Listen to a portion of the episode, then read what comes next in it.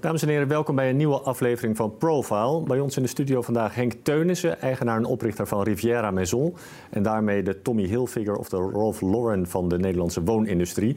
Henk, leuk dat je er bent. Welkom. Dankjewel. het was in 2010 ongeveer dat je besloot dat mensen voortaan niet meer een tafel bij Riviera Maison moesten kopen, maar een tafel van Riviera Maison. En wat gaf je dat inzicht? Nou, dat was in uh, eind uh, vorige eeuw, was 1999 dat ik dat, dat oh, besloot. Ja. Maar in zich werd, er werden heel veel gekopieerd. En daar werd ik helemaal tuurluurs van. Toen ben ik naar zo'n uh, merkenbureau gegaan. Heette inmiddels Novagraaf, toen heette het anders, weet niet meer. Ik kwam met een advocaat in gesprek en die zei... je moet commercieel belang scheiden van emotioneel belang. Je kan niet ieder, alle copycats achteraan vliegen. Dus um, probeer nou je geld in je merk te stoppen... in plaats van de branding van Riviera Amazon... in plaats van al die designs. Want je kan iets klein beetje veranderen en, het, uh, en je kan er niks aan doen. Dus toen ben ik over nagedenken. Ben ik eind uh, vorige eeuw, dus... 17 jaar geleden of 18 jaar geleden ben ik gaan kijken naar eh, wat was er aan uh, concurrenten in de markt die een merk hadden. Mm Dat bleek bedroevend weinig in mijn branche. In, in, de mode tuimelen de merken over elkaar heen. Al ben je nooit bij de Primark geweest en nooit bij de Gucci, dan weet je precies waar het ongeveer zit en waar de Esprit zit. Maar in onze handel heb je natuurlijk, uh, ja, je hebt natuurlijk uh, Jan de Bouffry en je hebt in Nederland dan Mooi en je hebt wat Lintelo. Maar ook echt merken zoals Ralph Lauren, zoals ik dat voor ogen had voor het, voor het wonen, zou maar zeggen. Dat je dus alles verkoopt. Hè? Want Ralph Lauren verkoopt sokken en, en overhemden en uh, horloges, alles. Zo had ik voor die Amazon voor ogen. Dat had je niet, had je geen merken. Het was allemaal merkloos.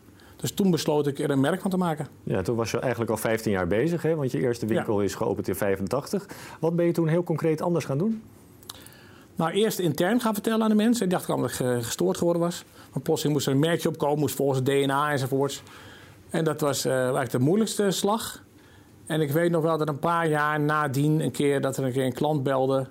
En die belde naar eh, de receptie, was veel kleiner toen. En toen die was een eh, merkje van, van haar, het labeltje was van de hondenmand afgevallen. Had de hond eraf gevreten. Ja. En dus straks zou haar schoonzus komen uit uh, Brabant of wat dan ook.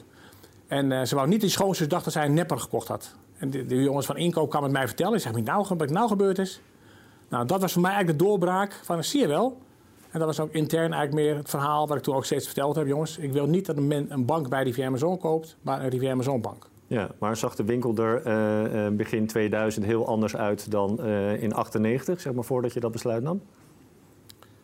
Um, eigenlijk was het geloof ik 97, toen hebben we de winkel in de Kalvertoren geopend. Toen heb ik dat merk voor het eerst gedaan. Ja, toen was het wat completer. Maar het is natuurlijk gaandeweg de transitie. Uh, de spullen waren in het begin niet anders, maar langzaamaan is het door meer branding geworden. Maar de winkels ja, zijn natuurlijk veel anders uit gaan zien door de loop der jaren. Het was niet één jaar dat plotseling alles anders deden. Zo was het hm. niet. Nee, nee, nee. En, en, en hoe lang uh, duurde het nou uiteindelijk voordat, je het merk, uh, voordat het merk er stond zoals je dat voor ogen had? Ja, dat is lastig te zeggen. Ik denk toch wel een kleine tien jaar dat je bezig bent om te landen bij mensen dat je een merk bent. Ja. ja. Ik weet ook op een gegeven moment dat mijn dochter een keer, tien jaar geleden was misschien zeven of acht, nee, dat was net middelbare school, was het twaalf of zo, dat ze een keer zo'n, uh, zo'n uh, hoe doe je dat, zo'n soort, uh, ja, iets, iets maken, een werkstukje moest maken voor school. Eerste klas maar middelbare school, geloof ik was het. Ja, eerste klas middelbare school. En toen liet ze rondgaan. Iets over die VMSO ging het ook. En zeiden, zeiden een heleboel medeleerlingen, die vonden het een mooi merk. Dat was voor mij ook zoiets van, Zie je wel, die, zelfs die meisjes van 12 begrijpen dat het een merk is. Dus het was voor mij wel bewijs dat het uh, goed zat. Ja, het heeft ook wel wat negatieve uh, kanten gehad. Hè? Want ik begreep dat uh, in winkels heel veel merkjes van de stoelen werden gejat. En dat je en best wel met. En nog. En nog. De meest ja. gestolen objecten in de winkels zijn de merken heel druk mee bezig om ook lijm achter te doen. Een pin die op de stoel zit. En nog worden ze afgestolen.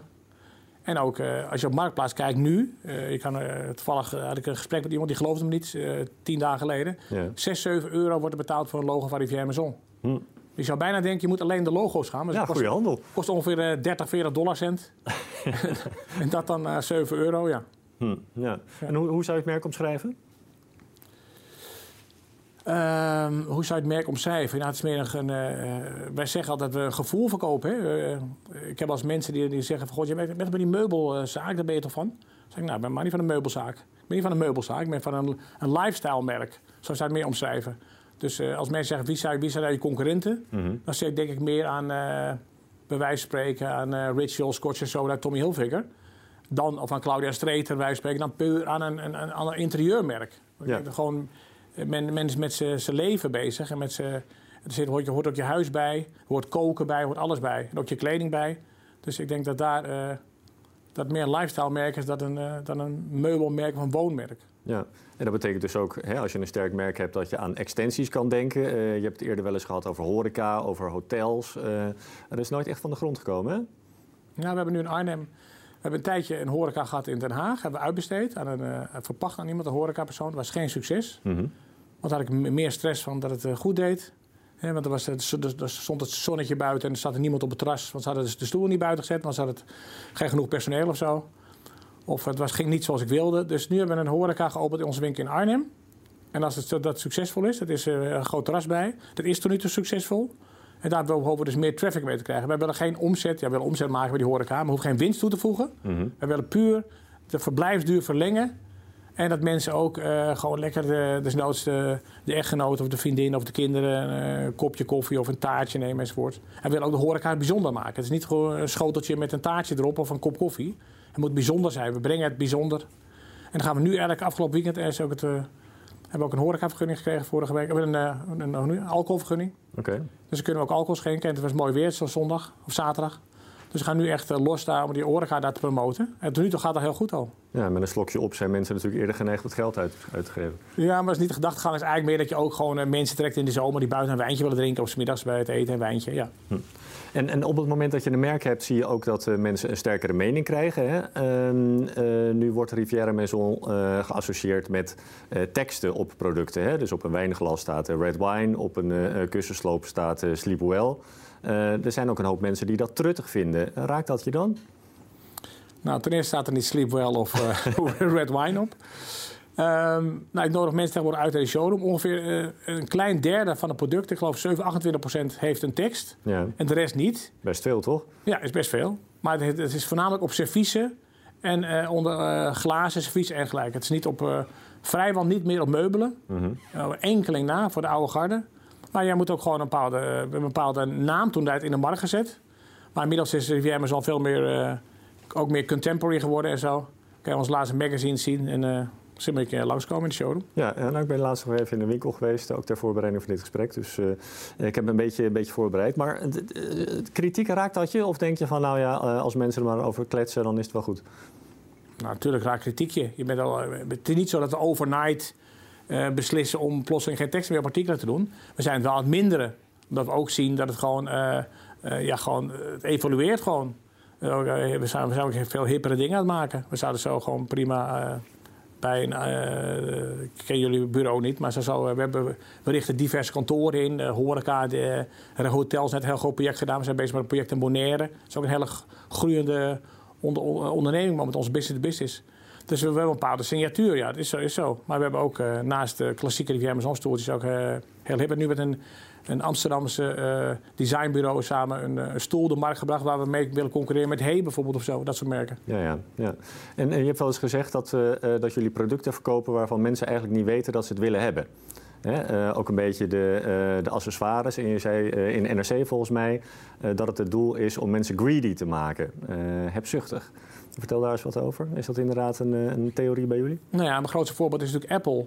Want als je dan bedenkt natuurlijk, als je, uh, ik heb een keer iets gelezen dat er een onderzoek was geweest. Ik geloof uh, op het moment dat, dat Nokia marktleider was, iedereen een Nokia-telefoon had.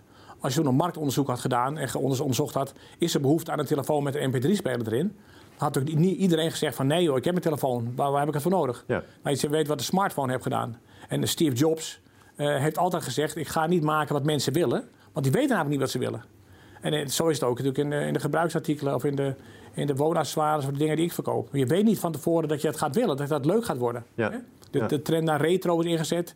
Uh, Mini en de Fiat 500 is een mega succes. Dat kan je niet allemaal van tevoren redeneren. Dus uh, um, ja.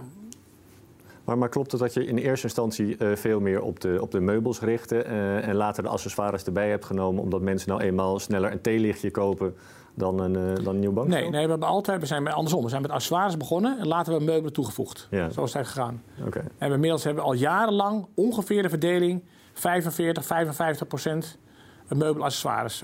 Afgelopen jaar was het uh, 57 procent accessoires en 43 procent meubelen. Overall, concern-wise, dat zie je bijna overal terug. Dus niet iets dat het uh, plotseling uh, meer accessoires geworden zijn of zo. Maar het is natuurlijk wel zo, in de tijden van de crisis... hebben wij natuurlijk minder meubelen verkocht Ja, dus overal zo worden gewoon minder huizen verkocht, dat is makkelijk. En nu is het dan weer upcoming. Ja. Maar we hebben ook heel, heel goed gedraaid toen. Hebben het accessoireverkoop een heel deel, deel goed gemaakt. Omdat mensen toch een huis leuker willen maken. Ja, en dan uh, koop je misschien geen nieuwe bank en nieuwe tafel, maar dan kan je met accessoires opleuken. Ja, ja. En, en schets eens de omvang van je bedrijf. Hoeveel uh, winkels hebben jullie, in hoeveel landen zijn jullie actief, dat soort dingen?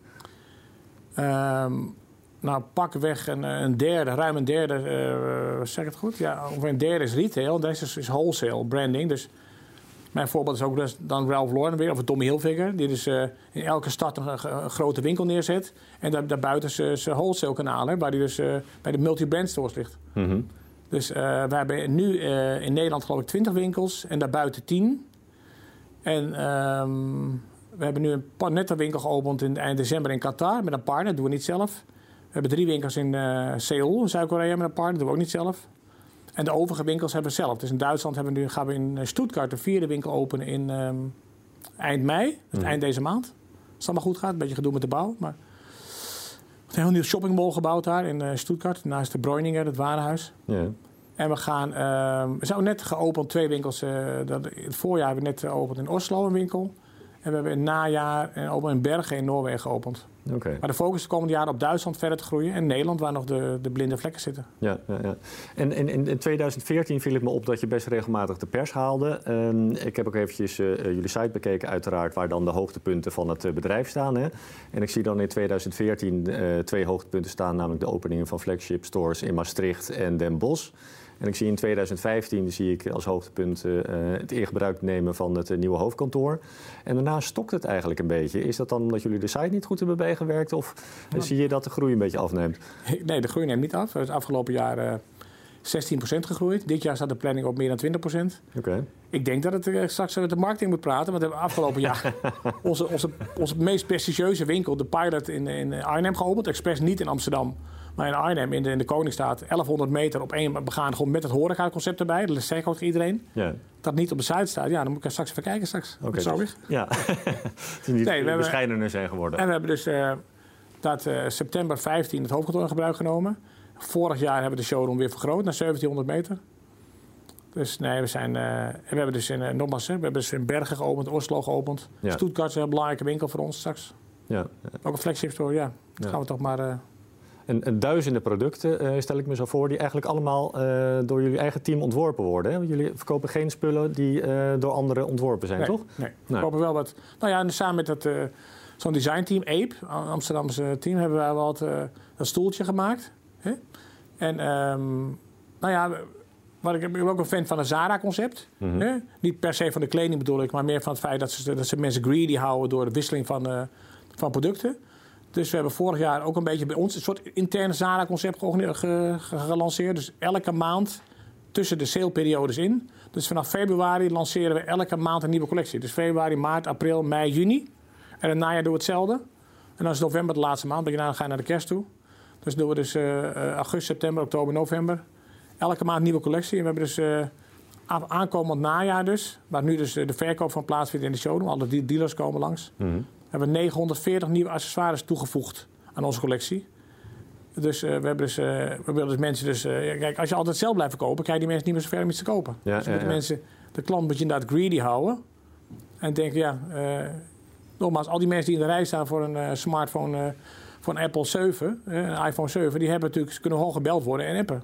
Ja. Die willen gewoon nieuwe hebben. Dus je moet zorgen dat je die mensen happig houdt. Nou ja, en je moet ze natuurlijk steeds weer opnieuw de, de winkel in lokken. Doe me een beetje denken aan de Action, die ook heel snel uh, wisselt met het assortiment. Uh, terwijl ze eigenlijk zich, uh, zich richt op steeds dezelfde groep. Maar die, ja, die weet ze dan toch ja, elke maand naar binnen Action is natuurlijk de, de, de, de rommelmarkt, de bazaar van vroeger natuurlijk. Ja, ja. ja, ja. En die ontwerpen, komen die allemaal goed deels uit jouw hoofd? Nee, niet meer. Nee. Vroeger wel, maar niet meer. Nee, hm. Gaat niet. Nee, nee, te veel geworden. Te veel. Gewoon, gewoon een ontwerpteam. En ik heb mijn rechterhand, de creatief designer, uh, creatief directeur Nico.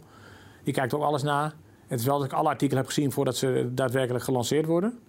Maar het is niet zo dat ik. Uh, nee, ik ben, uh, bij, ik ben meer bij de meubelen betrokken dan bij de accessoires. Mm -hmm. Ik reis wel volgende week ga ik trouwens met mijn inkopen naar China toe. Ga ik de, de samples bekijken van de meubelen weer voor uh, de Spring Summer van 2018. Mm -hmm. Maar voor de rest een heel. Ik heb een gewoon een team van designers die het gewoon doen. En dan uh, bespreken we wel met elkaar wekelijkse dingen. En soms ben ik er wel bij, soms ben ik er niet bij. Ja, en naar China toe om te kijken met de producenten. Want ja, je ontwerpt alles zelf, vervolgens moet het allemaal in opdracht geproduceerd worden. dat, dat, dat, lijkt me een traject waarbij je vaak kunt struikelen. de mensen die kijken, die, die ook zo'n traject in willen gaan, wat voor lessen kun je die meegeven? Voor? voor uh, ja, voor de, voor ja, hoe zorg je dat, dat de productie een beetje soepel blijft lopen? Uh, dat is altijd een uitdaging. Daar kan niet echt een standaard regel voor geven. De, iedereen, elke, Nederlanders zijn heel erg direct in de mentaliteit. En Chinezen zijn er bijvoorbeeld helemaal niet. die zeggen altijd ja, zeggen nooit nee, kunnen geen nee zeggen. Dus je moet zelf uitkiezen wat ze, wat ze wel of niet kunnen maken. Mm mensen uit Polen zijn ook wel heel anders. Dus je moet, je moet zelf in de gaten houden of een producent het wel aan kan. Of je, of je of het goed gaat, ja, dat is niet helemaal een standaard les voor. Dat betekent niet dat je op een beurs gaat gaan met inkopen en hopen dat het allemaal goed gaat. Want dat, dat kan goed gaan, maar kan ook wel eens niet goed gaan. Wat is moeilijker, de inkoop of de verkoop? Inkoop is veel moeilijker, ja. ja? ja. Hm. Maar de inkoop als zodanig... Mensen zeggen altijd van, god, eh, hoe is het mogelijk dat je nu weer 900 of 1000 nieuwe producten hebt? Maar dat is het probleem helemaal niet. Dat klinkt arrogant misschien, maar het probleem is om ze goed hier op tijd binnen te krijgen. Voor de juiste prijs. Dat is het probleem. Ja. ja. Hm. Ja. En, en nou heb ik me laten vertellen dat jullie ehm, eh, heel veel producten hebben ontwikkeld... Uh, waarvan mensen denken, ja, dat bestond al 30 jaar. Uh, maar waarvan jullie eigenlijk echt de eerste waren. daar, daar doen jullie iets goeds wat anderen niet kunnen. kun je daar je vinger op leggen, wat, wat hem dat is? Nou, ik weet niet, ik denk dat er natuurlijk heel veel creatieve armoede is. Dus dat je gewoon moet kijken naar dat je naar dingen, de idee ligt natuurlijk op straat. Het zijn ook heel simpele dingen natuurlijk. Ja, ik heb, uh, nou ja, een simpel voorbeeldje. Ik heb, uh, geloof ik, anderhalf jaar geleden een strijkplank overtrek geïntroduceerd. Helemaal niks spannends, helemaal qua design niks spannends. Maar ik zat een keer op een verjaardag bij een aantal dames. En die zaten, hoor ik ervan dat ze allemaal strijken bij de televisie bijvoorbeeld. nou ja, dacht ik van, uh, dan denk ik, een andere man zou misschien niks denken. Hmm. Ik denk dan, nou, hoe zou zo'n strijkplank... Ik ga eens kijken hoe onze overtrek uitzag. Nou heb ik uh, s'avonds mijn vrouw gevraagd. En uh, zij koopt altijd bij de blokker, zei ze. En toen ben ik naar gaan kijken. Het zag er vreselijk uit met uh, groene bollen en gedoe. Dus ik denk, nou, dat moet anders kunnen. Dus ik heb gewoon die meiden van de inkoop laten googelen. Waar zijn de goede producent van uh, strijkbank overtrekken? Ik heb er twee gekocht bij de blokker. Ja. Ik heb, die heb ik dan qua, wat is alleen maar maatvoering, wat om gaat. En gevraagd of die mensen vonden, wat, wat kost zo'n strijkbank overtrek? Ik heb ook nog uitgezocht hoe lang er iemand mee doet. Nou, doe je gemiddeld een jaar mee met zo'n strijkbank overtrek. Dus toen heb ik gezegd, nou, wat kost zo'n ding? Het kost bij de blokker dan 12,95 denk, nou, dat, uh, denk, als je een jaar mee doet, mag het ook best 25 euro kosten, denk ik dan. Eigenlijk heel plat. Dus ik heb gewoon die dames van design gezegd, maak eens een leuke strijkpak over met leuke tekst. Waar je gewoon, als je, de, als je naar de goede tijden, slechte tijden kijkt of het nieuws, dat je dan gewoon ook niet van lul staat in die, in die, in die huiskamer. Iets heel simpel. Ja. ja. Dat verkochten we geloof ik... Uh, eerst maar maand gewoon tien, uh, geen wereldbedragen, maar 10 of 15.000 uh, strijdbank overtrekken. Dus ja, dat is een hele simpel. Wat is nou een succes? Ja, gewoon heel simpel om je heen kijken. Van waar zou, behoefte aan zijn, wat mensen dus niet bedacht hadden. Het was eigenlijk allemaal geen, rocket science. Het was ook qua design geen rocket science, maar alleen de ontwerp dan van de hoe zelf, hoe het eruit zag. Hm. Waarom strijkbank overtrek altijd lelijk zijn, weet ik ook niet. Maar ja. Dus jouw truc is eigenlijk altijd om op feestjes en partijen bij de vrouwen te gaan zitten? Nou ja, ik ben natuurlijk niet de enige die het doet. Dus, uh, maar het is wel zo dat ik bijvoorbeeld een, een klassiek uh, wijntafeltje uit Indonesië, zo'n klassiek met een pootje, hebben toen 15 jaar geleden hebben we dat laten maken in aluminium gewoon leverancier gevraagd of je kon gieten in aluminium. Dat kon niet ook. En het model is heel bekend. En over de hele wereld gekopieerd. Van Amerika, China, toen zie je dat tafeltje terug. Maar het is mijn idee geweest om dat houten tafeltje in aluminium te maken. Ja. Dus dat is op zich uh, ook daar weer qua ontwerp geen rocket science, maar wel een ander materiaal toepassen. Dus daarom denken mensen dat ze al eerder gezien hebben. Ja, en, en dan heb je ook uh, onmiskenbaar een talent als het gaat om sales. Want uh, het oude verhaal is dat je ooit in de bloemwinkel stond van je ouders. Die gingen een weekje op vakantie en jij ging die, uh, die zaak een weekje runnen. En toen had je op één dag de omzet van een week binnen. Hoe, ja. hoe, kan het dat je, dat je zoveel plust in zo'n bestaande winkel?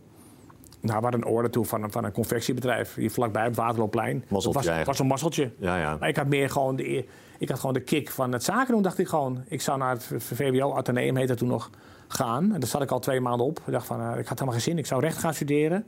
Want mijn zuster studeerde medicijn. Ik zou recht studeren. Dat was eigenlijk aangenomen dat je recht zou gaan studeren. Ik had net HAVO-diploma met uh, pijn en moeite gehaald. ik dacht van, nou, dat ga ik eigenlijk niet doen aan met studeren. Ik vind dat veel leuker. Ik vind dat leuk. Iets verkopen en dan uh, je winst maken en dan uh, groeien Dat was iets van de orde van 12 of 1500 gulden of zo, kan ik me herinneren. Hm. We praten over 1975. Ja, je gaat al een tijdje mee. Sterker nog, je bent bijna uh, AOW gerechtigd. Hè? Uh, doe nog eventjes. Doe nog even. Net 60 geworden, ja. Nou ja, goed. en afgelopen jaar had je de eer om te debuteren in de quote 500. Dus voor het geld hoef je het ook niet meer te doen, zal ik maar zeggen. Je hebt een merk gebouwd van Riviera Maison. Een merk heeft zijn waarde. Sta je al open voor telefoontjes om het over te nemen? Nou, niet direct. Ik wil de komende jaar nog, ik wil nog een jaar of vijf, zes flink groeien. Dus, dus nog eventjes geduld. Ja, ik word wel regelmatig benaderd. Maar uh, ja, gewoon even.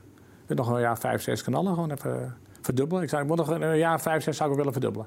Oké, nou, we gaan kijken of het, je, of het je lukt. Henk, ontzettend leuk dat je er was. Dank voor je komst. Wilt u meer gesprekken zien? Surf dan naar 7ditches.tv.